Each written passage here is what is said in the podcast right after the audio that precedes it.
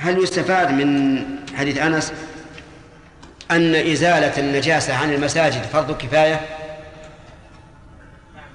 وجهه؟ أن النبي صلى الله عليه وسلم أمر بأن يصب عليه ذنوبا من ماء ولم يشاركه صلى الله عليه وسلم والأمر يقتضي؟ الوجوب. طيب. استدل به بعض العلماء على أنه لا يكفي في إزالة النجاسة إلا الماء. وأن الأرض لا تطهر بالشمس ولا بالريح. ما وجه الاستدلال؟ أن النبي صلى الله عليه وسلم أمر أن يراق عليه ذنوب من طيب. أحسنت. ولم يذكر شيئا سواه. طيب. آه، من العلماء من نازع فيها وقال إن الأرض تطهر بالشمس والريح. فبماذا يجيب عن هذا الحديث يا محمد حامد؟ يجيب عن هذا الحديث لأن الرسول صلى الله عليه وسلم استعجل بادر بإزالة النجاسة عن المسجد. نعم. لأن قد يأتي ناس يصلون تكون النجاسة موجودة. والواجب مبادرة بإزالة النجاسة. يعني ولو, ولو أنها زالت بالشمس والهواء لتأخرت إزالتها. نعم. إذن الفائدة من ذلك من تخصيص الماء هو المبادرة بإزالة النجاسة عن المسجد. هل يستفاد من هذا الحديث وجوب طهارة البقعة في الصلاة؟ يعني الإنسان أنه لا يجوز أن يصلي على محل نجس. ما أدري أنا ذكرتها أو لا. ما ذكرنا.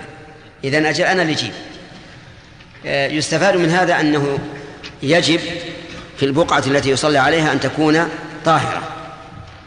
ولكن ما الواجب؟ هل الواجب أن تكون جميع البقعة كما لو كان يصلي على سجادة طرفها نجس؟ هل الواجب أن تكون جميع البقعة التي يصلي عليها طاهرة؟ أو المقصود ما يباشره في صلاته الثاني الثاني حتى لو فرض الإنسان عنده سجادة في طرفها نجاسة وصلى على الجزء الطاهر منها فلا بأس. وكذلك لو كانت البقعة إلى جنبه نجاسة وصلى على الطاهر منها فإن ذلك لا بأس به. حتى قال العلماء لو صلى وبين يديه نجاسة لكن لا يباشرها يعني بمعنى أنه إذا سجد صارت النجاسة على حذاء صدره. فإن صلاته صحيحة لكن لا شك أنه لا ينبغي أن يكون أن يصلي الإنسان وبين يديه نجاسة لأن هذا فيه سوء أدب. ولهذا نهى النبي صلى الله عليه وسلم أن يبصق بين أن يبصق المصلي بين يديه. حتى إنه رأى بصاقا في قبلة المسجد فعزل ال- الإمام لأنه بصق في قبلة المسجد وهذا ينافي الأدب مع الله عز وجل.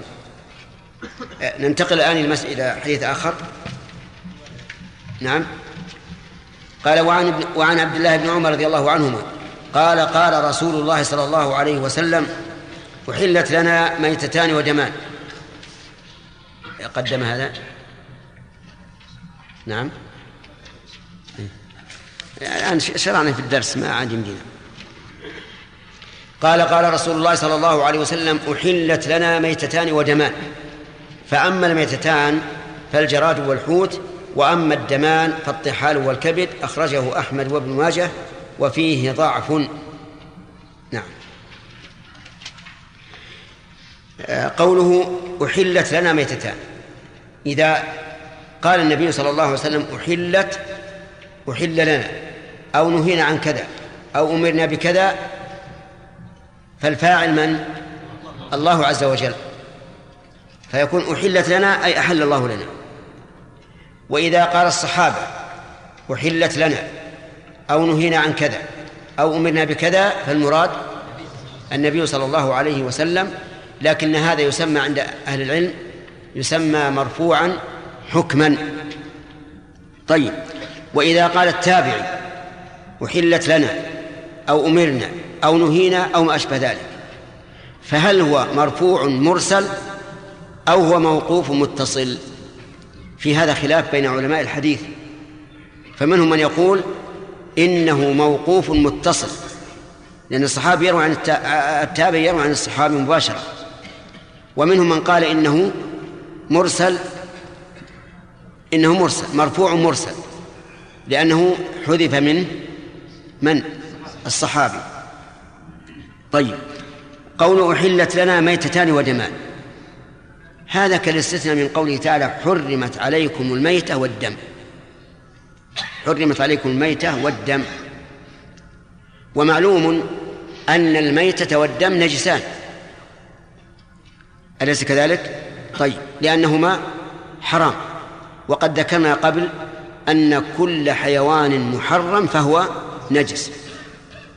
والدليل قوله تعالى قل لا أجد فيما أوحي إلي. محرما على طاعم يطعمه إلا أن يكون ميتة يعني إلا أن يكون المطعوم ميتة أو دما مسفوحا هذه اثنين أو لحم خنزير فإنه رجس إنه الضمير يعود على على ما سبق يعني على المطعوم الذي وجده محرما أي فإن هذا المطعوم رجس.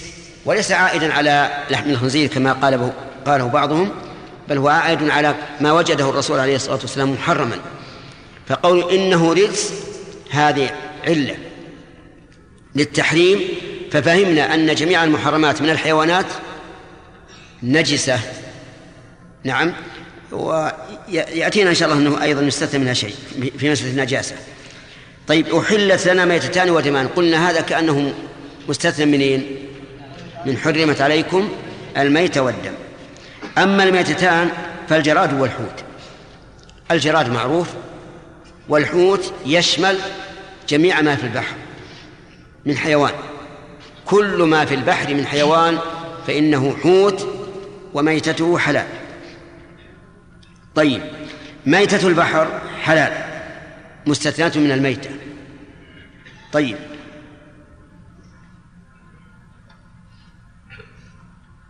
وأما الدمان فالكبد والطحال. الكبد معروفة والطحال قطعة تشبه الكبد من بعض الوجوه لاصقة في المعدة. هذه أيضا آه، حلال مع أنها دم. أتى المؤلف رحمه الله بهذا الحديث في باب الطهارة. وكان المتبادر إلى الذهن. أن يذكره في أي باب؟ في باب الأطعمة. في باب الأطعمة. لكنه ذكره هنا لأن المحرم نجس. فإذا كان هذا حلالا كان طاهرا. كان طاهرا. طيب. فيستفاد من هذا الحديث فوائد. الفائدة الأولى أنه ليس للنبي صلى الله عليه وسلم أن يحلل أو يحرم إلا بإذن الله. لقوله أحلت لنا. وهذا مبني على صحة الحديث مرفوعا وسنتكلم عليه إن شاء الله تعالى أو نتكلم عليه الآن. الحديث يقول المؤلف إنه فيه ضعف.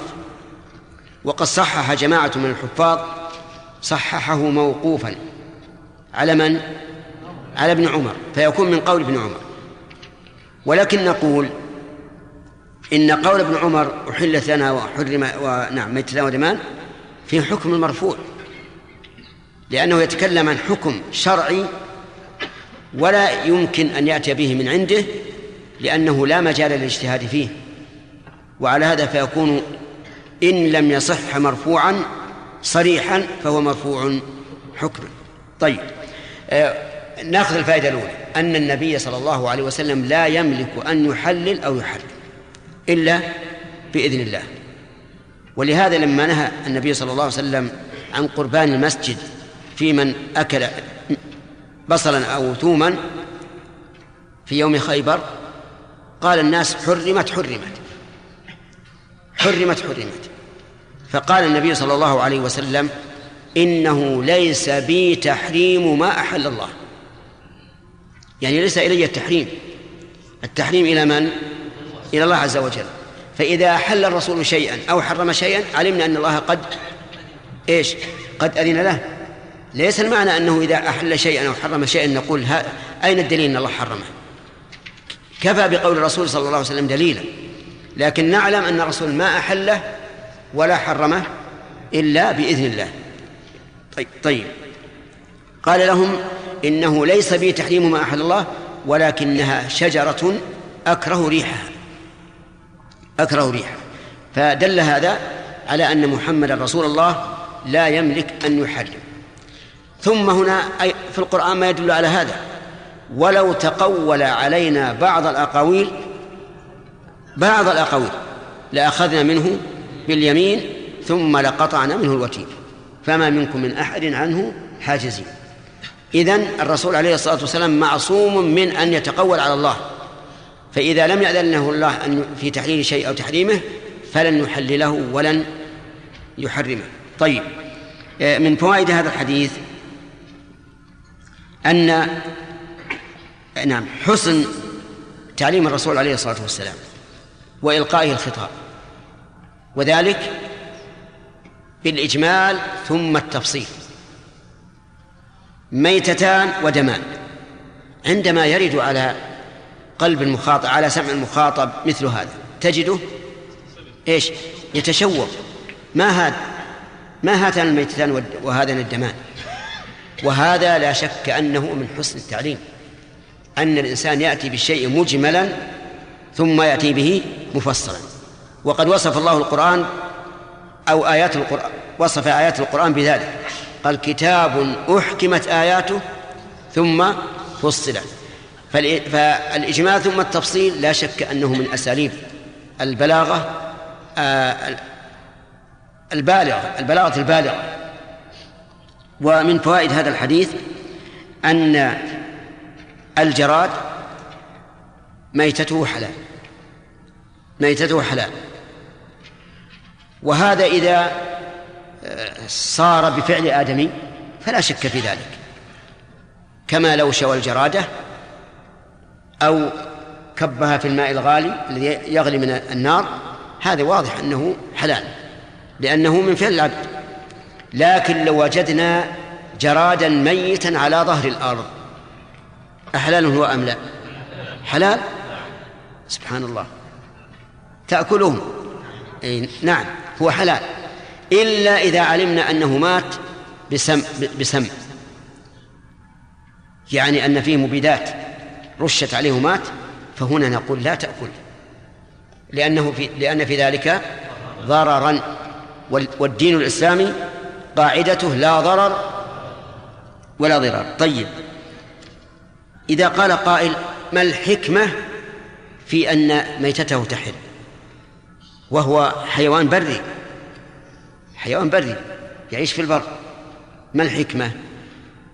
قال قال العلماء الحكمة في ذلك أنه ليس له دم. ليس له دم. وأصل خبث الميتة احتقان الدم فيها. ولذلك إذا أنهر الدم وماتت إيش صارت؟ صارت حلالا. الجراد ما فيه دم. فلذلك صارت ميتته حلالا. واضح؟ إذا كان إذا كان الحيوان مما يحرم أكله لخبثه وليس له دم صار طاهرا. ما هو حلال يا رجل. صار طاهرا. أنت تأكل العقارب؟ العقارب ما له دم لكن تكون ميتته طاهرة مع مع مع أنها ميتة. نعم. وقصة الذباب تعرفونها؟ الرسول أمر إذا وقع الذباب في شراب أحدنا أن نغمسه وهو سوف يموت. إذا كان إذا كان الشراب حارا على كل حال إذا ما الحكمة في أن ميتة الجراد حلال؟ إيش؟ نعم. هو أنه ليس له دم والعلة في تحريم الميتة هو احتقان الدم فيها والدليل لذلك هو أنه إذا أنهر هذا الدم عجيب يا جماعة. صارت حلالا طيب. أقول مرة ثانية. إذا كان الحيوان مما يحرم أكله وليس له دم ماذا يكون؟ يكون طاهرا تمام. طيب. آه من فوائد هذا الحديث حل جميع حيوانات البحر. أن جميع حيوانات البحر حلال. ونسأل العقيل لو وجدت سمكة على صورة أنثى فتاة حلال ولا حرام؟ حلال؟ تأكلها؟ عجب. توافقون على هذا؟ نعم. آه، يوافق على هذا. جميع الحيتان حلال سواء على صورة آدمي أو صورة سبع أو صورة ثعبان أو صورة كلب. لعموم قوله تعالى أحل لكم صيد البحر وطعامه. وجه ذلك يا أخواننا أن صيد مفرد مضاف والمفرد المضاف خذوها قاعدة مفيدة في علم الأصول. المفرد المضاف يكون عاما. اقرأوا قول الله تعالى واذكروا نعمة الله عليكم. أي نعمة وحده وإن تعدوا نعمة الله لا تحصوها. إذن كل النعم كل النعم. ولهذا قال الرجل قال العلماء لو قال الرجل امرأتي طالق وله أربع نساء من يطلق؟ كل النساء. ولو قال عبدي حر وله أكثر من عبد عتق كل العبيد ما لم ينوي الواحد. طيب إذن جميع حيتان البحر حلال حيها وميتها. الدليل من غير هذا الحديث أحل لكم صيد البحر وطعامه قال ابن عباس رضي الله عنهما وناهيك به علما في التفسير قال صيده ما أخذ حيا وطعامه ما أخذ ميتا وإنما قال ذلك لأنه لو كان المراد بالطعام البحر طعام الطعام الذي هو ثمار الأشجار في البحر لم يكن لتخصيص البحر فائدة لأن ثمار الأشجار إيش؟ حلال في البر وفي البحر. إذن فالمراد بطعامه ما ذكره رضي الله عنه وهو ما أخذ من الحيتان ميتا طيب. ومن فوائد هذا الحديث حل الكبد ولو كانت تقطر دما لكن بشرط أن تكون من مذكات مع أنها دم. طيب ماذا نقول في دم القلب؟ بعد الذبح لأن القلب بعد الذبح يتحجر فيه الدم. ولهذا إذا شقه الإنسان صار فيه دم. أهو نجس أم طاهر؟ طيب أحلال أو حرام؟ حلال. حلال. فإذا قال قائل لماذا لم يذكر في الحديث؟ نقول لأن الدم لأن دم القلب خفي. ليس ظاهرا ليس كالكبد والطحال فهو خفي كالدم الذي في في العروق. ولهذا لدينا ضابط اضبطوه. جميع الدم الذي يكون بعد الذكاة حلال طاهر. ولو كان أحمر ولو تغير به القدر لأنه لما تمت الذكاة صارت جميع البهيمة صارت حلالا طيبة. إذن الدم الذي يبقى في اللحم والعروق وفي جوف القلب حكمه طاهر حلال. نعم. ومن فوائد هذا الحديث أن الأصل في الميتات التحريم. الدليل أحل ميتتان. يعني وغير هذا حرام. ويؤخذ هذا من المنطوق أو من المفهوم. أحل لنا ميتتان المفهوم. يعني وحرم علينا ما سواهما. وكذلك نقول في الدم. الأصل في الدم أنه حرام. أنه حرام. طيب يكون نجسا؟ إي نعم لأن قلنا القاعدة. كل ما حرم من الحيوان فهو فهو نجس. وكانوا في الجاهلية كان الرجل منهم إذا آه، نفد طعامه شق عرق ناقته ثم مصه ومعلوم أن الدم يغذي لا شك. ثم مصه فحرم الله ذلك إلا بعد الذكاة قال وعن أبي هريرة رضي الله عنه قال قال رسول الله صلى الله عليه وسلم إذا وقع الذباب في شراب أحدكم فليغمسه ثم لينزعه فإن في أحد جناحيه داء وفي الآخر شفاء أخرجه البخاري وأبو داود وزاد وإنه يتقي بجناحه الذي فيه الداء. نعم. الآن جاء وقت السؤال. نعم. النبي صلى الله عليه وسلم ليس له لا يحرم من عنده وبينما قرر في علم الاصول أن النبي صلى الله عليه وسلم يشرع فإن فرض الله عز وجل فهو شرع لم يضره فهو ليس بشرع بدليل الحديث سواك. وقلنا لا لأمرتهم بالسواك. لولا أن أشق على أمتي لأمرتهم بالسواك يعني بعد أمر الله عز وجل. نحن نعلم إذا إذا أمر الرسول بشيء أن الله أمره إما إقرارا وإما ابتداء. لابد لابد حتى لو ابتدأ التحليل أو التحريم. فإذا كان الله لا يرضاه بينه. وإن سكت فهو إقرار. لكن لا يمكن أن يثبت الحكم بمجرد أن الرسول قال ولهذا قال ليس به تحريم ما أحل الله. البعض يا شيخ يقول أن إلقاء الجراد في النار وهو حي تعذيب هذا شيء صحيح. كان الصحابة رضي الله عنهم وهم أعلم منا بمراد الرسول وأتقى منا لله. كانوا يشون الجراد لا حي لكن لو لو أننا كلفنا بتذكية الحلا الجراد ها؟ مشقة ما ما في فائدة الت- التذكية. وش الفائدة؟ لأنه ما في دم يخرج. نعم. على كل حال كلمة التعذيب بالنار المراد بالتعذيب أن الإنسان يقصد ايلام الحيوان بالنار لغير مصلحة. فمثلا إذا لم نجد طريقا نسلم به من هذا الحيوان إلا الت... إلا إلا النار فلا بأس. ولهذا أنكر الله سبحانه وتعالى على النبي الذي قرصته نملة فأحرق قرية النمل وقال له سبحانه وتعالى هل لا نملة واحدة؟ أنكر عليها التعميم والنملة واحدة.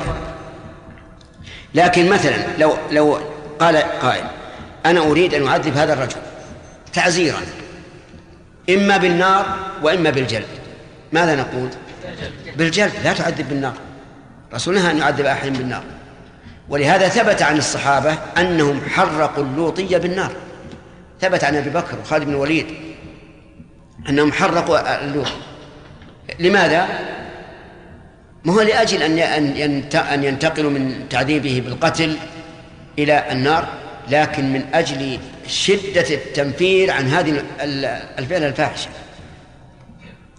طيب الآن يوجد عند المزارعين إذا انتهى الزرع أحرقوا بالأرض. من أجل النبات الردي الذي يخالط الزرع. الأرض ربما يكون فيها نمل. ربما يكون فيها فراخ الطيور وما أشبه ذلك. هل يجوز؟ نعم. يجوز. الدليل لهذا أن الرسول أحرق نخل بني النضير. والنخل لا يخلو غالبا من من حيوان طيور صغيرة أو غيرها. فهنا نقول ثبت تبعا لا قصدا. ثبت تبعا لا قصدا. فيعني يجب علينا أن نفهم النصوص على مراد الله ورسوله وأن وأن نجمع بين أطراف النصوص حتى يخرج الحكم نقيا. نعم. لا اللي جنبك. شيخ ال- الكبد. ارفع يدك. اي ها هو أنت. الكبد والطحال. آه، يقول يقول في الحديث أنها من الدم آه، الدم. نعم. آه، فاذا كانت من الدم ما حكم أكل كبد البعير وطحال هل تنقض الوضوء؟ هي إيه. من اللحم الم- آه، المنصوص عليها؟ اي اي نعم تنقض تنقض كما أن الإنسان لو لولا لولا أنه ورد في الحديث مسألة اللبن أنه ظاهر السنة أنه لا ينقض الوضوء مع أن الرسول أمر بالوضوء منه لقلنا اللبن أيضا ينقض الوضوء لكن ظاهر السنة في قصة العرنيين الذين أمرهم الرسول عليه الصلاة والسلام أن يلحقوا بإبل الصدقة ويشربوا من أبوالها وألبانها لم يأمرهم بالوضوء. فقلنا الوضوء سنة. ولا كان أيضا نوجب هذا؟ نعم. بالنسبة لل- للسمك والجراد هل يجوز أكلهما بدون طهي؟ يعني يغسلوا بدون يطهى بالنار؟ لأنه يوجد أنواع من من الأسماك تملح الملح فقط وتؤكل. سمعتم؟ يقول هل يجوز أن آكل الحوت نيا والجراد أيضا نيا. المهم تسأل عنه يعني. الجراد نيا ما أظن أحد يأكل ما يقدر أحد يأكل. فيه أرجل لها أرجل لها لها مخالب هذه لا بأس. الحوت آه، يجوز أن يؤكل نيا لكن بشرط أن لا يكون فيه ضرر. لأن بعض الناس يتضرر من أكل اللحم الني ولو كان من شاة. فهذه لابد من مراجعة الطبيب وربما يكون فيها مثلا آه، آه، فيروس يحتاج إلى طبخ.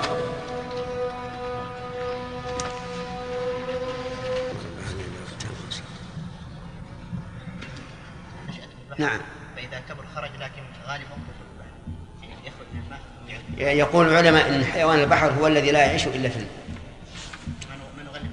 الذي لا يعيش إلا في الماء وعندنا أيضا قاعدة هذا هذا معنى حيوان البحر. وعندنا قاعدة أيضا إذا اجتمع مبيح وحاضر ما الذي يغلب؟ نعم. شيخ أحسن الله إليك. السؤال الماضي هذا يسمى عند يعني عند الناس جردان أو يسمى ابو مقص أو ابو جنبو وش؟ وجنبه ما أخبرنا إلا يفك المواصيل هو باسمه نعم؟ هو باسمه نفسه؟ يأتي. بس- باسم ال- الذي يفك به المواسير اسمه ابو جنبو هذا يعيش يعيش في إذا وضعته في الماء عاش. إيه. وإن كان سنه وإن وضعته خارجا عاش وإن كان سنه سبحان ولا. دم له. وفي حجم القمري تقريبا. وله ثمانية أرجل. ي- يطير؟ لا لا لا في حجمها فقط. في حجمها فقط. والله العلماء قالوا إن حيوان البحر هو الذي لا يعيش إلا في الماء لكن لا دم له مطلقا إي ولو كان. ما دام قالوا هكذا ثم القاعدة المعروفة إذا اجتمع مبيح وحاضر غلب جانب الحظر فهذا لا بد من أن يذكر. ما راس في باب المياه عن أبي هريرة رضي الله تعالى عنه قال قال رسول الله صلى الله عليه وسلم. إذا وقع الذباب في شراب أحدكم فليغمسه ثم لينزعه. فإن في أحد جناحيه داء وفي الآخر شفاء. أخرجه البخاري وأبو داود وزاد وإنه يتقي بجناحه الذي فيه الداء. وعن أبي واقد الليثي رضي الله تعالى عنه قال قال النبي صلى الله عليه وسلم ما قطع من البهيمة وهي حي وهي حية فهو ميت أخرجه أبو داود والترمذي وحسنه واللفظ له. بسم الله الرحمن الرحيم. الحمد لله رب العالمين وصلى الله وسلم على نبينا محمد وآله وصحبه أجمعين. آه، سبق في الدرس الماضي قول ابن عمر أحلت لنا ميتتان ودمان فضعفه بعضهم مرفوعا وصححه موقوفا. فهل يختلف الحكم في ذلك؟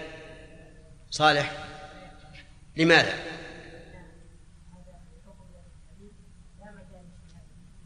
لأن هذا الحكم لا مجال للاجتهاد فيه فإذا قدرنا أنه من قول ابن عمر فهو مرفوع حكما طيب بارك الله فيك. زين. آه، ما هي القاعدة في الدم الذي يكون حلالا مباحا؟ آدم.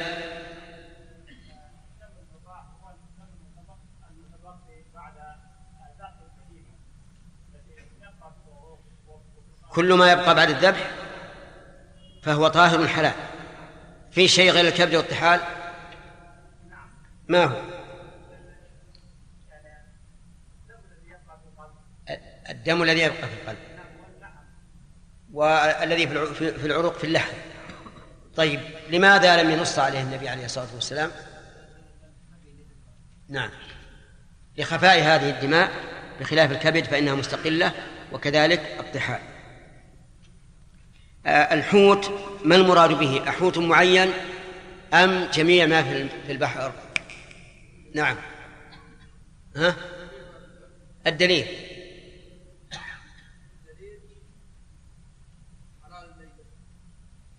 لا آه، الحلم ميتة صحيح هذا دليل. لكن ما في القرآن دليل؟ من كيسك ذي يا ولد لا تجيب شيء من القرآن. الله يهديك. تعالى أحل لكم صيد البحر وطعامه متاعا لكم وللسيارة. نعم. فسره ابن عباس رضي الله عنهما أن صيد موقد موقد حي و وطعامه؟ موقد ميت طيب. أحل لكم صيد البحر وطعامه. طعامه هو حيتانه التي تؤخذ أو توجد ميتة. وليس المراد الطعام الذي يكون في في أشجاره وما أشبه ذلك لأن هذا حلال في البر والبحر. نعم بارك الله فيك. آه نقرأ درس اليوم حديث أبي هريرة رضي الله عنه. قال قال رسول الله صلى الله عليه وسلم إذا وقع الذباب في شراب أحدكم فليغمسه الذباب طائر معروف وهو من أوهن الحيوانات. وهي ولهذا ضربه الله تعالى مثلا في التحدي. فقال تعالى يا أيها الناس ضرب مثل فاستمعوا له. استمع استمع لهذا المثل. من الله عز وجل. الرب عز وجل يستنصتك وهو فوق سماواته. يقول ضرب مثل فاستمعوا. ماذا نقول؟ سمعا وطاعة. نستمع. إن الذين تدعون من دون الله لن يخلقوا ذبابا ولو اجتمعوا. الذباب من أوهن ما يكون من الحيوان ما لا يمكن أن يخلقوا ذبابا ولو اجتمعوا له. ولهذا تجد الذباب ليس له بيت وليس له قرار. أي مكان يكون فيه ينزل فيه فهو من أضعف الحيوانات. إن الذين تدعون من دون الله لن يخلقوا ذبابا ولو اجتمعوا له لو اجتمعوا كلهم ما استطاعوا أن يخلقوا ذبابا. وانظر هذا التحدي القدري مع التحدي الشرعي. قل لئن اجتمعت الإنس والجن على أن يأتوا بمثل هذا القرآن لا يأتون بمثله ولو كان بعضهم لبعض ظهيرا. فتحدى الله الخلق أن يأتوا بآية أن يأتوا بمثل آياته الشرعية أو بمثل آياته الكونية. بمثل آياته الشرعية في قوله قل لئن اجتمعت الإنس والجن على أن يأتوا بمثل هذا القرآن لا يأتون بمثله ولو كان بعضهم لبعض ظهيرا والكونية إن الذين تدعون من دون الله لن يخلقوا ذبابا ولو اجتمعوا له. هذا الذباب الطائر المعروف الكثير المتكاثر في بعض الأزمنة أو في بعض الأمكنة يقول الرسول عليه الصلاة والسلام إذا وقع في شراب أحدكم أي شراب؟ عام لأنه مفرد مضاف فيفيد العموم. أي شراب؟ ماء لبن مرق أي شيء كان. فليغمسه ثم لينزعه. لما قال فليغمسه علمنا أنه لا بد أن يكون شرابا مائعا. لأن غير المائع لا يمكن غمسه إذن الشراب المائع. فمثل العسل شراب. هل يغمس فيه؟ لا. ما يمكن. لا يمكن يغمس فيه. لكن هل يمكن؟ ما يمكن. اللهم إلا اللهم إلا إن جعلته إن جعلت معه ماء أو لبنا فيمكن. على كل حال الحديث يدل على أن المراد الشراب الذي يمكن غمس الذباب فيه. ثم لينزعه. ينزعه يعني يخرجه منها منها من الشراب لئلا يقع في شراب. وهو تعرفون أنه صغير يمكن يدخل مع الشراب من غير أن يشرب به الإنسان لكن لينزعه. ثم فإن في أحد جناحيه داء وفي الآخر شفاء. سبحان الله الرسول عليه الصلاة والسلام لم يكن متخرجا من كلية الطب لكنه يأتيه الوحي. وإلا فمن يدري في ذلك الوقت أن في أحد جناحيه داء وفي الآخر شفاء. ما في تحليلات ولا في طب طب راقي لكنه الوحي من عند الله عز وجل. داء يعني مرضا وفي الآخر شفاء أي من هذا المرض أو عموم. يحتمل أن المراد شفاء أي من ذلك المرض الذي في الجناح, الذي في الجناح الآخر. ويحتمل أن يكون المراد الشفاء عموما. وحينئذ إذا قلنا بالعموم هل يشمل كل مرض؟ يقال في ذلك كما قال النبي صلى الله عليه وسلم في الكمأة إنها من المن وماؤها شفاء للعين فليس شفاء للعين من كل داء يصيبها ولكنه من نوع من أنواع الأدواء.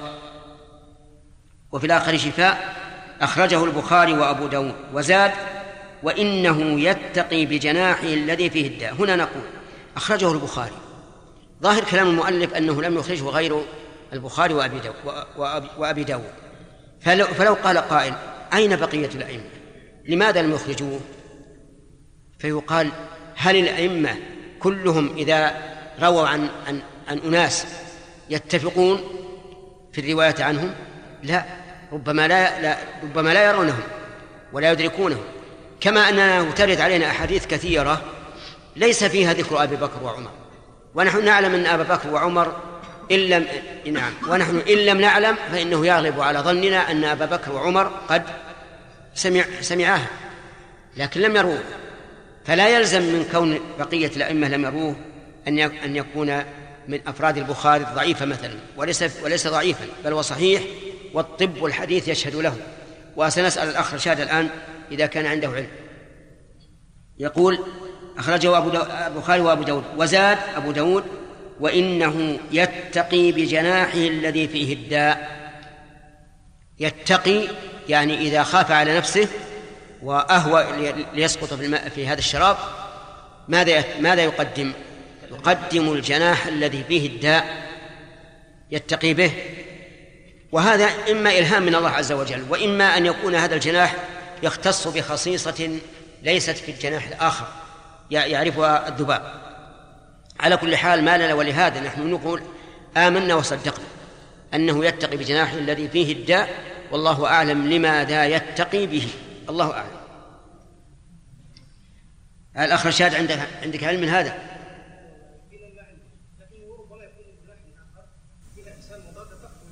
لا ما بعد وصلنا إلى هذا. أنا أقول هذا الداء على كل حال أنا قرأته في عدة صحف ومجلات. أثبتوا بأن فيه الحمى التيفؤود ما أدري عن اسمها أي نعم. وأن هذه بإذن الله إذا غمسه فإن في الجناح الآخر ما يضاده ونحن في الحقيقة إنما نستشهد انتبهوا يا جماعة إنما نستشهد بأقوال الأطباء أو الفلكيين على ما دل عليه كتاب السنة. ليس من أجل أننا لا لا نقبل إلا إذا شهدوا أبدا.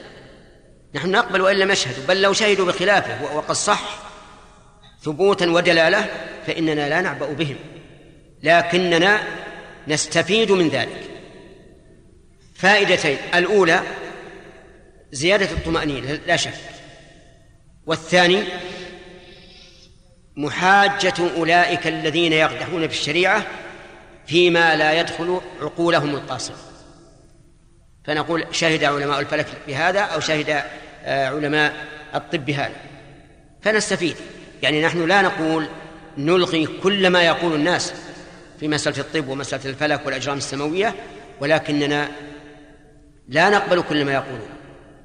إذا كان الذي يقولون يخالف الكتاب والسنة الثابتين دلالة ورواية فإننا لا نقبل كلامه نأخذ بما جاء في الكتاب والسنة ونقول إن كلامكم الآن الذي يضاد الكتاب والسنة سوف يأتي الزمن الذي يشهد فيه يشهد فيه الناس بصحة ما جاء في الكتاب والسنة أولا نسأل لماذا أتى المؤلف بهذا الحديث في باب المياه الجواب أتى به ليفيد أن مثل الذباب إذا مات في الماء القليل فإنه لا ينجسه لأنكم تعرفون أن الماء الإناء في شراب أحدكم الإنسان إذا بغى يشرب يشرب منين؟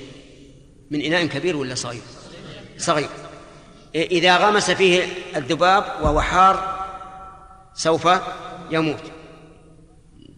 فإذا أتى بالمؤلف ليفيد أنه إذا وقع في الماء القليل شيء مثل الذباب فمات فإن الماء لا ينجس بذلك. هذا هو المناسبة. أما فوائد الحديث فنقول في الحديث فوائد. الفائدة الأولى شمول الشريعة الإسلامية. في بيان أمراض الأبدان وبيان أمراض القلوب.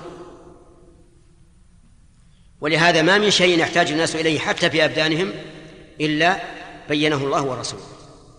وهذه قاعدة عامة لا يشد منها شيء. أما أمراض القلوب والعبادات فهذا أمر معروف وكذلك أيضا أمراض الأبدان. في في الكتاب والسنة أصول أصول لا لا نص على كل مسألة وكل فرد وكل جزء لا أصول عامة يستفاد منها في الطب ومن فوائد هذا هذا الحديث آه، أن الذباب ليس بنجس لا حيا ولا ميتا من أين تؤخذ؟ قوله إذا وقع الذباب في شراب أحدكم فليغمس. لو كان نجسا لأرقنا الماء. لأن الماء القليل سوف يتأثر بمثل الذباب لكن زي أن وقع فيه ذبان كثيرة ومن فوائد هذا الحديث آه، أن الذباب إذا وقع في الطعام الجامد فإنه لا يغمس. صح؟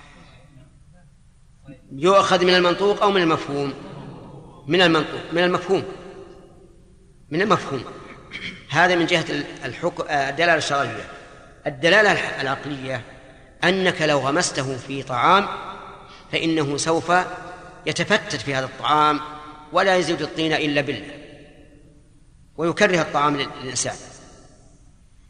من فوائد هذا الحديث أن أن الذباب قلنا أنه طاهر حي وميتا نعم. هل يقاس على الذب على الذباب غيره؟ العلماء رحمهم الله قالوا نعم. يقاس عليه كل شيء ليس له دم يسير. فإنه طاهر حيا وميتا. حتى لو كان حراما فهو طاهر. حيا وميتا. فمثلا الجعلان. طاهر. لو وقع الجعل في الماء ومات فالماء طاهر. لا ينجس. العقرب. إيش؟ طاهرة لأنه ليس لها دم. فإذا وقعت في ماء ولو تغير الماء فهو طاهر. لأنها لا تنجس بالموت. الوزغ. الوزغ قال أصحابنا رحمهم الله فقهاؤنا قالوا للوزغ نفس سائلة نص عليه الإمام أحمد. يعني له دم يسير وأنا أسألكم الآن هل قتلتم وزغا؟ له دم؟ طيب الحمد لله إذن هو الوزغ ما يدخل في هذا الباب لأن له نفس سائلة. من فوائد هذا الحديث قدرة الله عز وجل. وأنه قادر على كل شيء. فالذباب كما تعلمون دويبة هشة ضعيفة مهينة. وقد جمع الله فيها بين شيئين متضادين. هما الداء والدواء والشفاء. الداء والشفاء. وهذا يدل على كمال قدرة الله عز وجل. نحن نعرف أن الله على كل شيء قدير فيما إذا خلق في هذا مصلحة وهذا مضرة في ذاتين منفصلتين لكن في ذات واحدة فيها مضرة ومنفعة. نعم. يؤخذ من هذا أيضا أنه قد أن الله تعالى قد يحكم في الشيء بحل وحرمة في جسد واحد. يكون بعضه حلال يكون بعضه حلالا وبعضه حراما. ممكن؟ في الشريعة الإسلامية لا. ليس في الشريعة الإسلامية حيوان بعضه حلال وبعضه حرام. في الشريعة اليهودية نعم. وعلى الذين هادوا حرمنا كل ذي ظفر. هذه ذات مستقلة. كل ذي ظفر يقول العلماء كل ما أرجله غير مشقوقة فهو من ذوات الظفر مثل الإبل. ومن البقر والغنم حرمنا عليهم شحومه واللحوم حلال اللحوم حلال والشحوم حرام.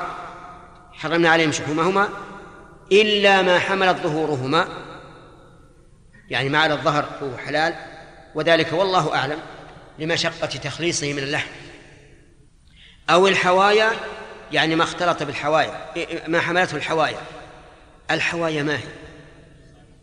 الحوايا الأمعاء الملتوية أو ما اختلط بعظم. وذلك والله أعلم لمشقة التخليص. نعم؟ فمثل الألية حرام على اليهود. هو لا حرام. اللحم حلال. الشحم المستثنى حلال. لا اللحم حلال نعم والشحم المستثنى حلال. فهذا حيوان واحد صار بعضه حلالا وبعضه حراما الذباب حيوان واحد بعضه مرض وبعضه شفاء. طيب على رأي بعض العلماء من علماء المسلمين هناك حيوان بعضه له حكم وبعضه له حكم وهو الإبل. فإن بعض العلماء يقول الإبل شحمها لا ينقض الوضوء ولحمها ينقض الوضوء لكن هذا غير صحيح. كما مر علينا وسيمر أيضا إن شاء الله هذا غير صحيح. ليس في الشريعة الإسلامية حيوان يكون بعضه حلالا وبعضه حراما أو بعضه له حكم طهارة وبعضه له حكم نجاسة أو حكم نقض وبعضه ليس له ذلك. من فوائد هذا الحديث آه، أن الماء لو تغير بطعم الذباب المغموس فيه لم ينجس من أين يؤخذ؟ من قوله فليغمس فليغمس وجه الدلالة لو كان ينجس ما أمر النبي صلى الله عليه وسلم بغسله لأنه لو كان لو نعم ما أمر بغمسه لأنه لو كان كذلك لكان الرسول يأمر بما يفسد الماء. أفهمتم وجه الدلالة؟ وجه الدلالة. قوله فليغمسه. نعم. قوله فليغمس وجه الدلالة منها لو كان ينجس بغمسه الماء ما أمر النبي صلى الله عليه وسلم به. لأنه لو كان كذلك لكان يأمر بما يفسد الماء. وهذا متعذر بالنسبة للشريعة الإسلامية. ومن فوائد هذا هذا الحديث أن الذباب حرام. أن الذباب حرام. لقوله ثم لينزع. لئلا يدخل في الشراب. وهو كذلك. فهل يقاس على على على الذباب ما كان مثله؟ مما تستخبثه النفوس. يرى بعض العلماء كذلك أنه يقاس عليه ما كان مثله مما تستخبثه النفوس. والمراد بالنفوس النفوس المستقيمة. ما هو كل نفس؟ لأن من الناس من لا يعرف شيئا. كل شيء لا يعرف. ومن الناس من يعرف شيئا؟ طيبا حلالا. من الناس من إذا أكل الجرادة خرجت روحه معه. تقريبا. نعم. أهدينا لواحد من الإخوان جرادا من أحسن ما يكون وألد ما يكون فلما أكله يقول رأيت الموت أمام عيني. ورد علي ما, ما أهديته عليه. لأنه يقول ما ما أكلت من قبل وعجزت أن أهضمه. وهو طيب من أطيب الطيبات. الله أكبر. الله أكبر. الله أكبر اللهم رب هذه الدعوة التامة والصلاة القائمة. آت محمدا الوسيلة والفضيلة وابعثه مقام محمود هذا الحديث يعني من أكبر الظلم معناه وما أشبه من الشريعة التي أثبت علم الحديث معناه صحتها شيخ قلنا نستفيد من الحاج بأولئك الذين عقلانيين الذين يعني عندهم نقص إيمان ولا يقال أن هؤلاء يعني سواقط لا يلتفت إليهم ولا يعني يلقي لهم بالا ما هي فائدة شيخ اللي ما يقتنع أن الطب أو بعلم الحديث هذه مثل الشريعة هذا شيخ في قلبه نار بلاء لا لا نقول هكذا. الأخ يقول إننا ما حاجة أن نتعب أنفسنا في الجمع بين ما ثبت في الشرع وما ثبت في الطب أو في علم الفلك لأن هؤلاء الذين آه، لا يقرون بالشريعة أو عندهم ضعف إيمان لا ينتفعون. هذا ما هو صحيح. كم من إنسان آمن دخل في الإسلام حين سمع ما بعض ما جاءت به الشريعة. لا يا أخي نحن مسؤولين عن دولة يعني هؤلاء الضعاف الإيمان نحن مسؤولون عنهم. إذا أمكن أن نقوي إيمانهم بأي شيء فهذا واجب. أليس الرسول عليه الصلاة والسلام أحيانا ينهى عن الشيء ويضرب المثل؟ في في المسند مسند الإمام أحمد أن رجلا كان يكلم النبي عليه الصلاة والسلام في الزنا فقال له أترضى أن تزني أن يزني أحد بأمك وأختك؟ قال لا. قال إذن كيف ترضى أن تزني بأم الناس وأخواتها بأمهات الناس وأخواتها فمثل هذه الأشياء يعني إذا رأينا شخصا مثلا ذكيا ويحب أن يصل إلى إلى شيء نبين له. نحن مسؤولين عنه وهذا ينفعنا. كثير من الناس يعني فيما سمعت أسلموا من أجل أنهم أن القرآن أخبر بشيء فشهد له الواقع. إن شاء الله. اجعلها على ذهنك هذا نعم.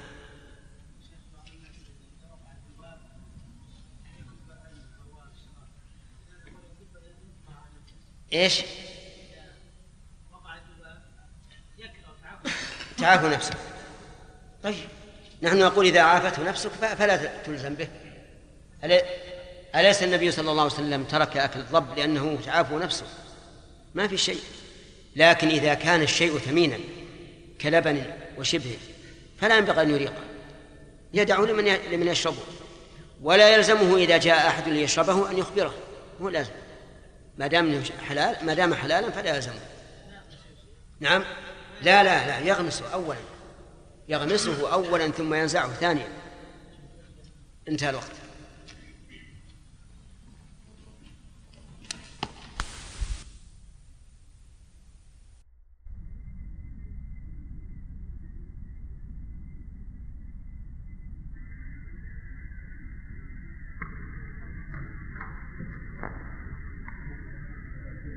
ماذا يقول صفحة 160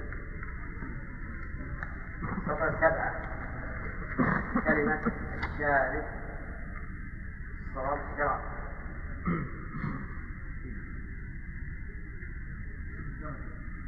صفحة 8 صفحة سبعة. هو صواب الشرع شراب ولا الشارع؟ شراب شراب يعني ها؟ إيه شرف نعم. نعم.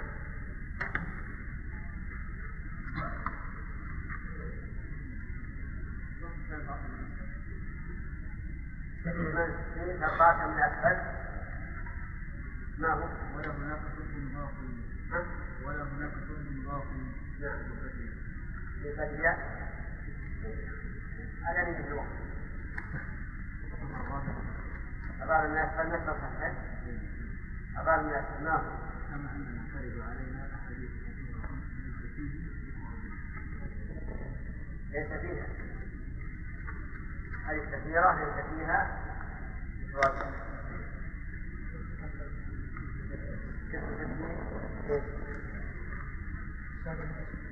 سابع من أسفل. في باب في باب المياه في باب المياه قوسين على ايسر مياه نعم. قوسين على إيش تبغى هذا قبل؟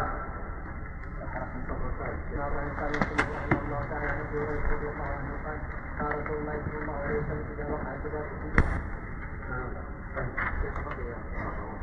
وقع واحد نعم بسم الله الرحمن الرحيم.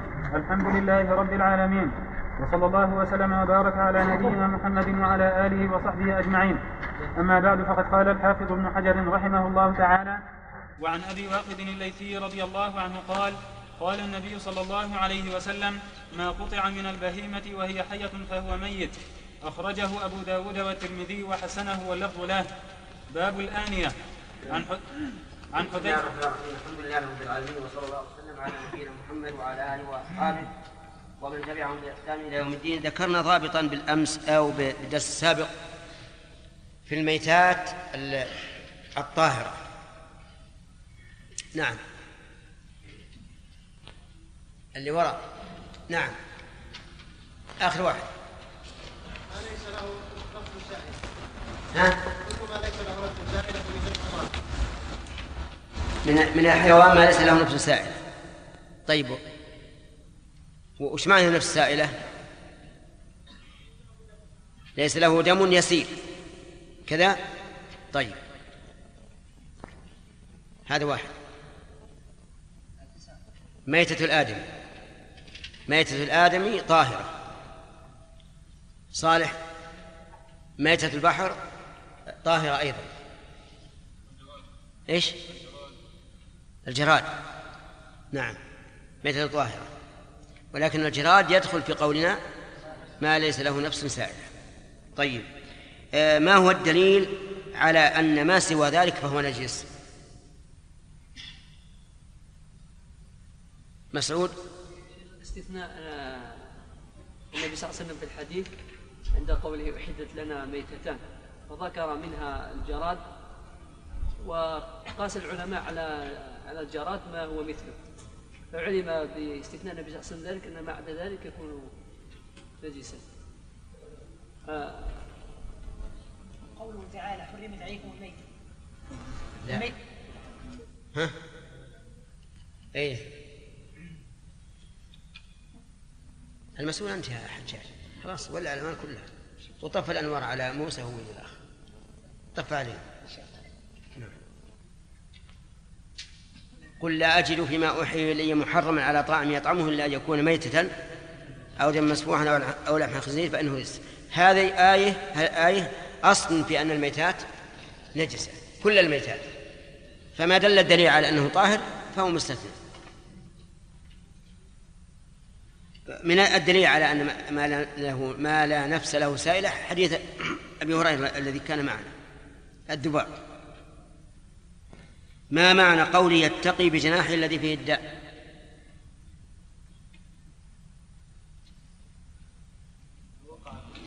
الشراب فإنه آه، يقع بجناح النجس يعني يجنح على جناحه الذي فيه الداء يتقي به.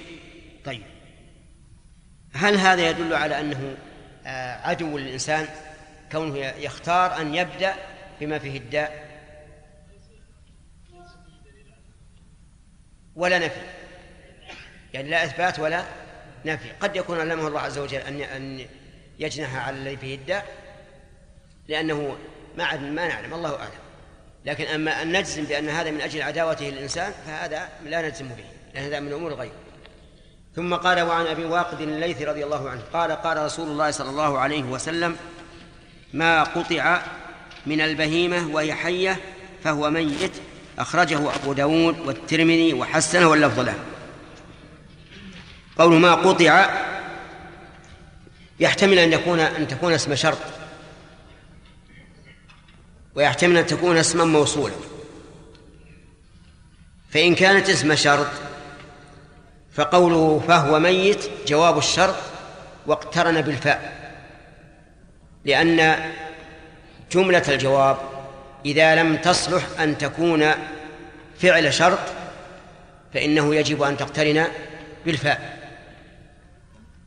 وفي ذلك يقول ابن مالك واقرن بفاء حتما جوابا لو جعل شرطا لإن أو غيرها لم ينجعل.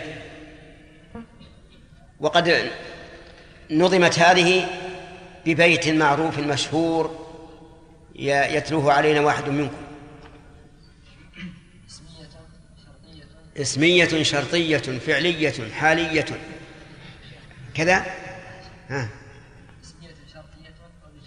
اسمية شرطية وإيش؟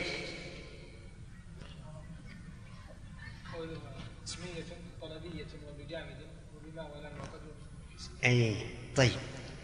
اسمية طلبية وبجامد وبما وقد وبلن وبالتنفيس. من أي الجمل اللي معنا اسمية.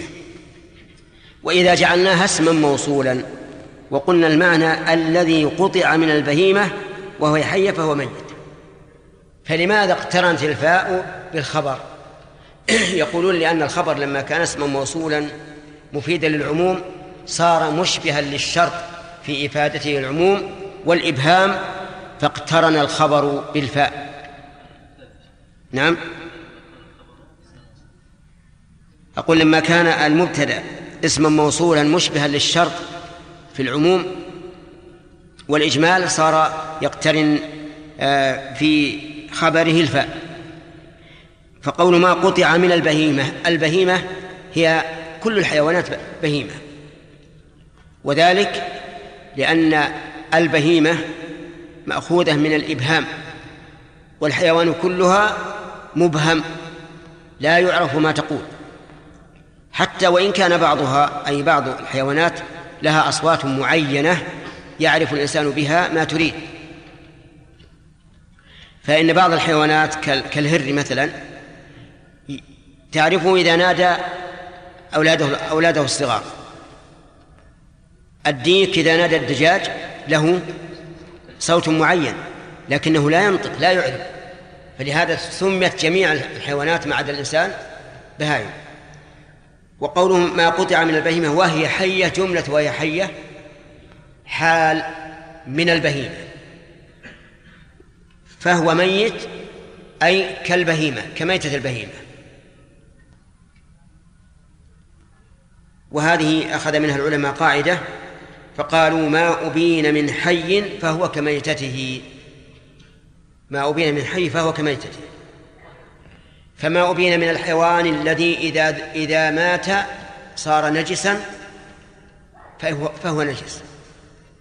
وما أبين من الحيوان الذي إذا مات فهو حلال طاهر فهو طاهر. وما أبين من الحيوان الذي إذا مات فهو طاهر غير حلال فهو طاهر وغير حلال. مثل ما أبين من الآدمي. الآدمي ميتته طاهرة. وما أبين منه فهو طاهر. فكل ما أبين من حيوان فله حكم ميتة هذا الحيوان حلا وطهرا. حلا وطهرا. هذه القاعدة. طيب. آه لننظر الآن ما قطع من الشاة وهي حية. كميتتها. نجس أو غير نجس؟ نجس حرام. ما قطع من الحوت. الأخ. أنت أي نعم. طاهر. حلال ولا حرام؟ حلال. لأن الحوت ميتته طاهرة. طيب. آه، ما قطع من الجرادة؟ حلال طاهر. لأن ميتتها حلال طاهر. طيب. ما قطع من الآدم إبراهيم؟ طاهر وليس بحلال لأن ميتة الآدم طاهرة وليست بحلال. أرأيت لو اضطر إنسان إلى أكل لحم ميت لحم إنسان ميت؟ ما تقول؟ العلماء مختلفون. على قولين على غرار ما قاله ابن جني. ها؟ أجر كيف؟ أي نعم. من العلماء من قال إذا اضطر الحي إلى أكل الميت فله أن يأكله. لأن حرمة الحي إيش؟ أعظم من حرمة الميت. ومنهم من يقول لا لأن النبي صلى الله عليه وسلم قال كسر عظم الميت ككسره حيا. فله حرمة حتى لو مات الحي يموت. نعم. طيب. لو أنه نأخذ فوائد إذن. أولا ما سبب الحديث؟ سبب الحديث أن النبي صلى الله عليه وسلم لما قدم المدينة وجدهم يجبون أسنمة الإبل وألايا الظأن يتخذونها ودكا فيبينها فيبينونها منها وهي حية. فقال هذا فقال هذا. ومعرفة سبب الحديث أو الآية يعين على فهمها. يعين على على فهم النص. ومن ذلك إن الصفا والمروة من شعائر الله فمن حج البيت أو اعتمر فلا جناح عليه أن يطوف بهما. لو لو رأينا إلى لو نظرنا إلى ظاهر اللفظ لكانت هذه الآية تدل على أن الطواف بين الصفا والمروة من من القسم الجائز وأنه لا إثم فيه. لكن إذا عرفنا السبب وأنهم كانوا يتخوفون من الطواف بينهما. علمنا أن ذلك لا يدل على الإباحة بل يدل على نفي الجناح الذي كانوا يتوهمونه. فمعرفة السبب لها أهمية بالنسبة لمعرفة المعنى. فمن فوائد الحديث إذن أنه يجب على العالم إذا اقتضت الحال أن يذكر الحكم الشرعي لوقوع الناس في في مخالفته فإنه يجب عليه أن يبينه. لأن الرسول بين هذا حينما رأى الناس يجبون الأسلمة والألاعب ومن فوائد هذا الحديث أن ما قطع من البهيمة وهي حية فهو كميتة البهيمة. لقوله فهو ميت. وهنا نسأل هل يجوز أن يقطع شيء من البهيمة أو لا؟ نقول أما إذا كان عبثا ولمجرد الإيلام أو الانتقام فإن هذا حرام ولا يجوز. مثاله رجل عنده معز تصرخ عليه في الليل وآذته في نومه فنزل إليها وقطع لسانها. حرام ولا حلال؟ ليش؟ لأن هذا انتقام وهي بهيمة غير مكلف فهذا لا يجوز. كذلك لو كان عبثا فإنه لا يجوز. لكن لو كان لمصلحة البهيمة أو لمصلحة مالك البهيمة فهل يجوز ذلك أو لا؟ الظاهر الجواز. لكن يجب أن يتبع أقرب الطرق إلى عدم الإيلام مثال مثال ذلك الخصى لمصلحة البهيمة ولمصلحة المالك أيضا لأن اللحم إذا إذا خصي الفحل صار أطيب أطيب اللحم وقد ضحى النبي صلى الله عليه وسلم بكبشين موجوئين أي مخصيين. هذا لمصلحة البهيمة. وهو بالتالي أيضا لمصلحة إيش؟ المالك. أما الذي لمصلحة المالك فهو قطع الآذان. فإنهم في الزمن الأخير صاروا يرغبون المعز إذا قطعت أذنه. ويقولون إن ثمنها يزيد بالضعف أو بأكثر. فهذه لمصلحة من؟ لمصلحة المالك. لكن يجب أن يستعمل أقرب الطرق إلى إلى عدم ماذا يصنع؟ يبنجها يبنجها حتى لا تتألم فإن قال قائل ما دليلكم على أنه يجوز أن يؤلم أن يؤلم البهيمة لمصلحته؟ قلنا الوسم. كان الرسول عليه الصلاة والسلام يسم إبل الصدقة والوسم إحراق بالنار ومؤلم للحيوان ولكن ذلك لمصلحة المالك لمصلحة المالك لأن الوسم علامة فدل ذلك على الجواز. فإن قال قائل قطع الآذان يشبه فعل الجاهلية الذين يبحرون البحائر ويسيبون السوائب فالجواب أنه قد يشبهه صورة لكن ما الحامل للجاهليين على أن يفعلوا؟ الحامل العلامة على أن هذه هذه حرام. لأنهم هم يعني عندهم قواعد. إذا بلغت الشاة مثلا أو البعير حرم أن تركب أو تحلب ووجب أن تسير. ثم يقصون من آذانها ما يكون علامة على ذلك. لكن هؤلاء الذين يقصون ليسوا يريدون أن يحرموها بل يريدون بذلك زيادة الثمن والانتفاع بارتفاع القيمة. طيب إذن آه، تكلمنا على هذا الموضوع مع أن الحديث ما تعرض له لكن لا مانع لأن هذا مهم. من فوائد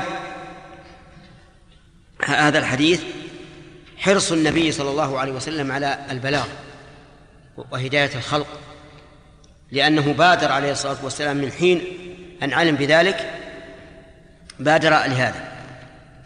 استثنى بعض العلماء رحمهم الله شيئين. الشيء الأول يا أيوب سبحان الله.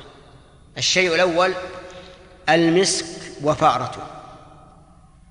والشيء الثاني الطريدة. قالوا هذا جائز.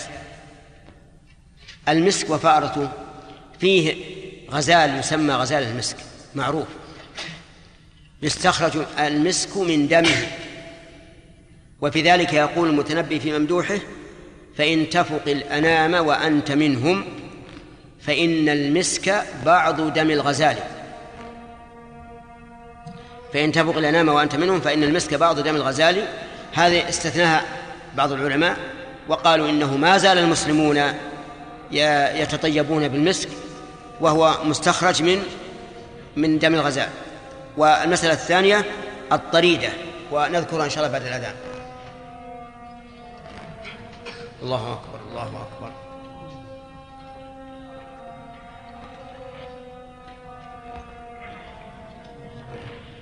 الله أكبر اللهم صل على محمد اللهم اللهم رب هذه الدعوة التامة والصلاة القائمة الوسيلة والفضيلة وبعث مقام محمود الذي وعدته الضريرة ذكرها الإمام أحمد رحمه الله وأن الصحابة فعلوها وهي أن أن أن يطرد القوم الظبي ثم يدركونه. يدركوه جميعا ثم يقطعوه. ثم يقطعوه. هذا يقطع الرجل وهذا يقطع الرقبة وهذا يقطع اليد ويموت ميتة واحدة. ولم يستدل أحمد رحمه الله بحديث لكنه استدل بفعل الصحابة. ولكن هذا أيضا لا, لا, لا, لا يستبعد أن يطبق على الحديث لأن هذا صيد. والصيد يحل بجرحه في أي موضع كان من من بدنه. فهؤلاء جرحوا جميعا. ثم آه، صار هذا هذا هذا الجرح جميعا صار كأنه آه، صيد رمي بسهم. ولم يستثن العلماء من مما أبين من الحي أنه يكون طاهرا إلا هاتين المسألتين. نعم.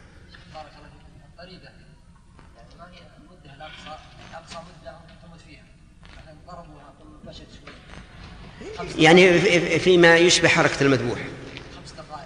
تقريبا إي نعم. نعم. إيش؟ إيش؟ منين؟ منين؟ إي نعم. إذا قطع منها عضوها هربت فلا تحل إي نعم يرمي به يعني ما ماتت. نعم ذكرنا انه سبب النزول آه، سبب العين على فهم الآية والحديث. نعم. قال بعض أهل العلم ليس ليس سبب العين انه هو سبب أساسي ركن أساسي. إيش؟ قال بعض أهل العلم إي نعم. إنه ركن أساسي لا تفهم الآية ولا الحديث إلا إذا عرفنا سبب. لا ما هو بصحيح. هذا ما هو صحيح. يكذب اقرأ قد سمع. قد سمع الله. اقرأ.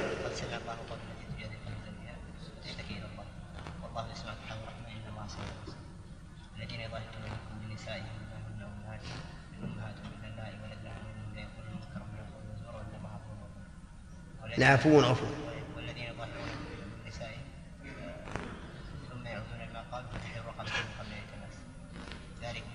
فمن لم يستطع؟ إيه، من قبل الإسلام ذلكم توعظون به نعم صح. ذلكم توعظون به والله بما تعملون. فمن لم يجد؟ فمن لم يستطع؟ طيب هل فهمت معنى الآية؟ تعرف سبب النزول؟ الآن تعرفها من قبل لكن الآن تعرفها وإن لم تعرف سبب النزول؟ هذا هذا مما يكذب قول صاحبك. نعم. لو قطع من هذه الفريضة شيئا لو قطع منها شيئا كرجلها ثم هربت وهو في أثرها ثم وجدها ميتة بأثر هذا هذه القطع الإمام أحمد خص بأنهم يأتون عليها في مكان واحد في موقف واحد. فلا تحل. ويحتمل أن تحل لكن ما, ما نجزم بها. يعني يحتمل أن يقال هذا هذا أقدر ما يقدر عليه. فهو كالسهم. نعم. عند إي نعم. هل يسمون جماعة أو واحد منهم؟ ما جاء في هذا شيء. يحتمل أن يسموا يحتمل شيء آخر. لكن عندنا أدلة محكمة بينة أنها لأنه كل ما شيء لم كل شيء لم يذكر الله عليه فهو أجب يا سمير. كل شيء لم يذكر اسم الله عليه. فهو. أو حرام. حرام. ليس. لا يحل. لا يحل معنى حرام. أي نعم. فهذه النصوص المحكمة المتشابهة ما ما تقضي على المحكم بل بالعكس. نعم. هل يجوز أن يشترك الإخوة أن أن في الحيوان أن يشتركوا أن يشتركوا في إيش؟ العلامة. في العلامة. ها؟ علامة النار. يعني العلامة في الحيوان. الوسم. اي يشتركون فيه؟ العلامة واحدة. بس أخشى أنهم بعدين يختصمون في في في البهيمة. كل واحد يقول هذه لي. إي هذا هو.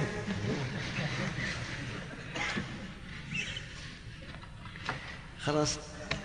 إيه والله تغيير الناقة حسب علمنا يعني يحصل عليها أذى عظيم. و... وألم عظيم تغشى. ويقول يقول وهو خياطة فرجها حتى يغمى عليها. إيه؟ ويأتون بولدها الذي مات فتشمه فتدر اللبن. إيه؟ أقول فيها إيلام عظيم فيها إيلام. لكن هم يقولون لا يمكن أن تدر على ولدها إلا بهذا وإلا يموت الولد. فهل نقول إن هذه هذه الضرورة التي يخشى منها تلف الولد أنها تبيح؟ أنا حقيقي متوقف فيها. السؤال عنها كثير لكني متوقف فيها. إن نظرنا إلى المصلحة قلنا تنغمر هذه المفسدة في المصلحة. وأصل هذه هذه البعير خلقت لمن؟ ها؟ لنا خلقت لنا. وإذا لم نصل إلى إلى فائدتها إلا بهذا فهو ألم يغمى عليها ثم بعد ذلك يفتح فرجها وتصحي وترضع ولدها. لكن ما أدري هل هذا في كل ناقة أو في بعض النوق. ها؟ هذا التضيير التضيير الظاهر من الضير وهو الضرر.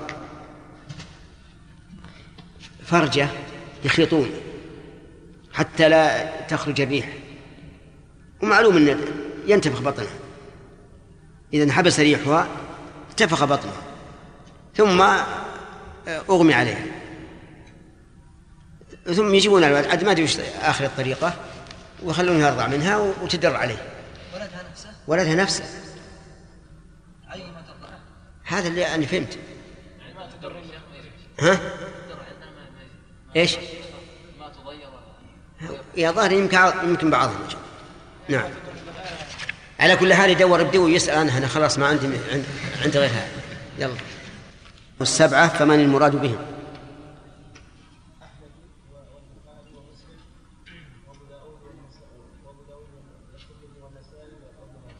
طيب أحسنت. وإذا قال خمسة كمال. الأربعة وأحمد. نعم. الأربعة. أبو داود والنسائي الترمذي وابن ماجه. ثلاثة. نعم. اثنان. آدم.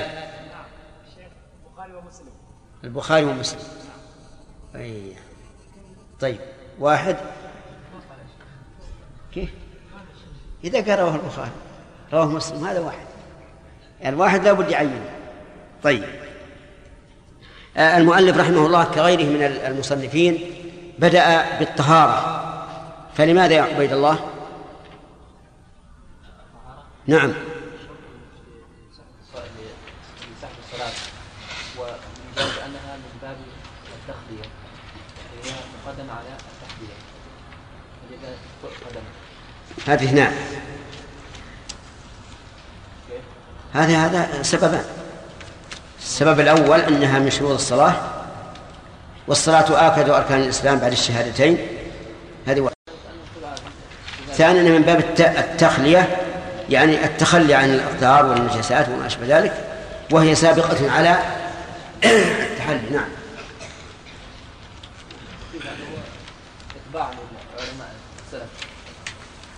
طيب علماء السلف لماذا؟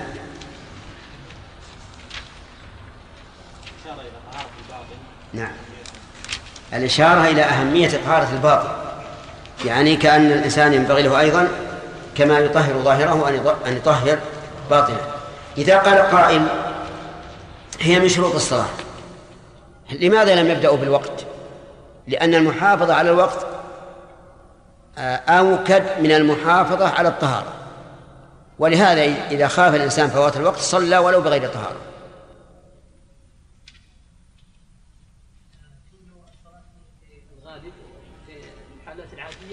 لا. تؤدى إلا بالطهارة لا أقولها لك. لكثرة الكلام فيها. الطهارة يعني تقريبا ربع ال- العبادات. تكلموا عليها كثيرا. لكثرة الطهارة الكلام فيها قدموها على بقية شروط الصلاة. لأن فيها الغسل والوضوء ونواقضهما وموجبات الغسل والحيض وباب النجاسة يعني أشياء كثيرة. فلهذا بدأوا به وإلا هناك شروط من شروط الصلاة أوكد منها. طيب. ما سبب قول النبي صلى الله عليه وسلم في البحر هو الطهور ماؤه الحل ميتته؟ سبب. أنت. إي نعم. سأل رجل جاء النبي صلى الله عليه وسلم يركب البحر إيش؟ جاء رجل النبي صلى الله عليه وسلم ممن يركب البحر. جاء رجل للنبي صلى الله عليه وسلم صلى الله عليه وسلم هذه ما أعرفها أبدا ولا بلغة أي واحد. صلى الله عليه وسلم. نعم يا أخي بين لك أجر. ولهذا أنا أنا اخترت أن أقول صلى الله عليه وعلى آله علشان ما تجي صلى الله عليه وسلم. أين؟ طيب.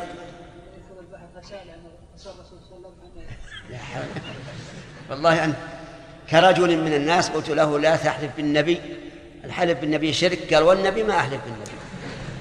لا يا شيخ. أعد أعد سأل الرسول صلى الله عليه وسلم. نعم. يعود لسانه. فسأل عن حكم البحر. والتوضي فيه. فهو أشكل عليه من حكم الماء. وهو في الحج. باب أو لم يشكل عليه الميتة يعني إذا سببه أن أن رجلا سأل النبي أو قوما سألوا الرسول وهم يركبون البحر أيتوضؤون بمائه؟ فقال هو الطهور ماؤه الحل ميتته. ولازم هذا إذا كان هو الطهور ماءه ماؤه أن يتوضأ به. تمام. طيب لماذا زاد الحل ميتته؟ أيوب. جواب الحكيم. ها. جواب الحكيم أنه يأتي بجواب زيادة على سؤال المستفتي لحاجة الناس إليه ولأهميته يعني زاد هذا لأن لأنهم قد يحتاجون إليه أو لأنه لما أشكل عليهم موضوع الماء قد يشكل عليهم أكل آه نعم أكل ما فيه من الحوت. طيب. هل لهذا الحديث في قولها الحل ميتته ما يؤيده من القرآن؟ نعم. نعم له ما يؤيده وهو قوله تعالى وحل لكم صيد البحر وطعامه. لأن ابن عباس فسر طعام. نعم لأنه ما أخذ ميتا. تمام. سقطت سمكة في ماء فأنتن وتغير. طهور؟ طهور؟ نعم. ليش؟ لأن الميتة طائرة ميتة البحر أحسنت. فإذا ت... والماء إذا تغير بطاهر فهو فهو طهور. بارك الله فيك. طيب آه، فيه حديثان. إن الماء طهور لا ينجسه شيء.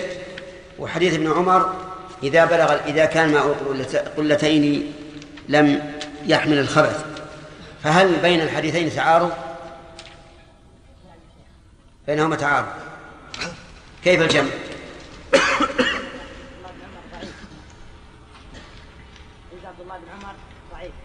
ضعيف. إذن آه، نرجح حديث أبي سعيد لأن هذا ضعيف وذاك أصح منه. طيب هذا واحد. جمع آخر. حديث عبد الله بن عمر إذا بلغ ما كل لا يحمل الخبث آه، مخصوص. مخصوص إذا يعني دلالته على نجاسة القليل دلالة مفهوم. ودلالة حديث أبي سعيد منطوق. ودلالة المنطوق مقدمة على دلالة المفهوم. طيب. وهل وهل الحديثان نقش الأخصاص ما في معنى. هل الحديثان على إطلاقهما؟ حديث أبي سعيد وحديث ها؟ بالإجماع. ها؟ ابي أيوه كيف؟ إذا آه، يعني يستثنى منه ما إذا تغير بنجس فإنه نجس بالإجماع وأيضا في في رواية البيهقي. طيب. حديث ابن عمر. وكذلك حديث ابن عمر. إذا بلغ ما قلتين لم يحمل الخبث فإن إذا زاد على إذا بلغ قلتين وتغير بالنجاسه فإنه يكون نجسا بالاجماع فإنه يكون إذا زاد على القلتين أو إذا بلغ قلتين وتغير بالنجاسة فهو نجس حامل للخبث بالإجماع. تمام. الحقيقة أن الإنسان إذا إذا تأمل الحديثين ترجح عنده ما سبق أن رجحناه وهو أن الماء لا ينجس إلا بالتغير قليلا كان أو كثيرا. طيب مر علينا أنه لا لا يغتسل الرجل بفضل المرأة ولا المرأة بفضل الرجل. نعم. قل يا أخ هل هذا على سبيل التحريم أو على سبيل الإرشاد؟ ما حضرت؟ إيه. طيب من لم يحضر فهو معذور. إبراهيم على سبيل الإرشاد. الدليل؟ أنه ثبت عن النبي صلى الله عليه وسلم أنه اغتسل بفضل ميمونة رضي الله عنها نعم. طيب إذن ما الحكمة؟ الارشاد إلى ما هو أكمل وأفضل. وهو؟ وهو أن يغتسل الرجل والمرأة في إناء واحد. طيب. الحكمة من ذلك قوله وليغترفا جميعا. إشارة إلى أن هذا هو الأفضل والأولى. لما في ذلك من ال- الائتلاف والمحبة وزوال الكلفة بين الزوجين. طيب. آه، سلك بعض العلماء في هذا الحديث مسلكا غريبا. سامع قالوا إن الرجل لا يتوضأ بفضل المرأة. نعم. ولكن يجوز للمرأة أن تتوضا بفضل الرجل. قوله إن الرجل لا يتوضأ بفضل المرأة والمرأة تتوضأ بفضل الرجل. ما وجه الغرابة؟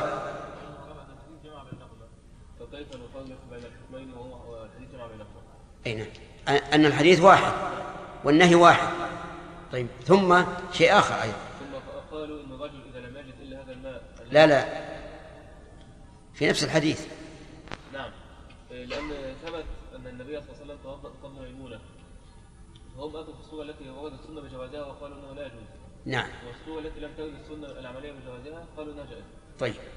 ثبت أن الرسول صلى الله عليه وسلم آه، اغتسل بفضل ميمونة وهذا تطهر الرجل بفضل طهور المرأة. وهذا هو المنهي عن عن- عنه عندهم.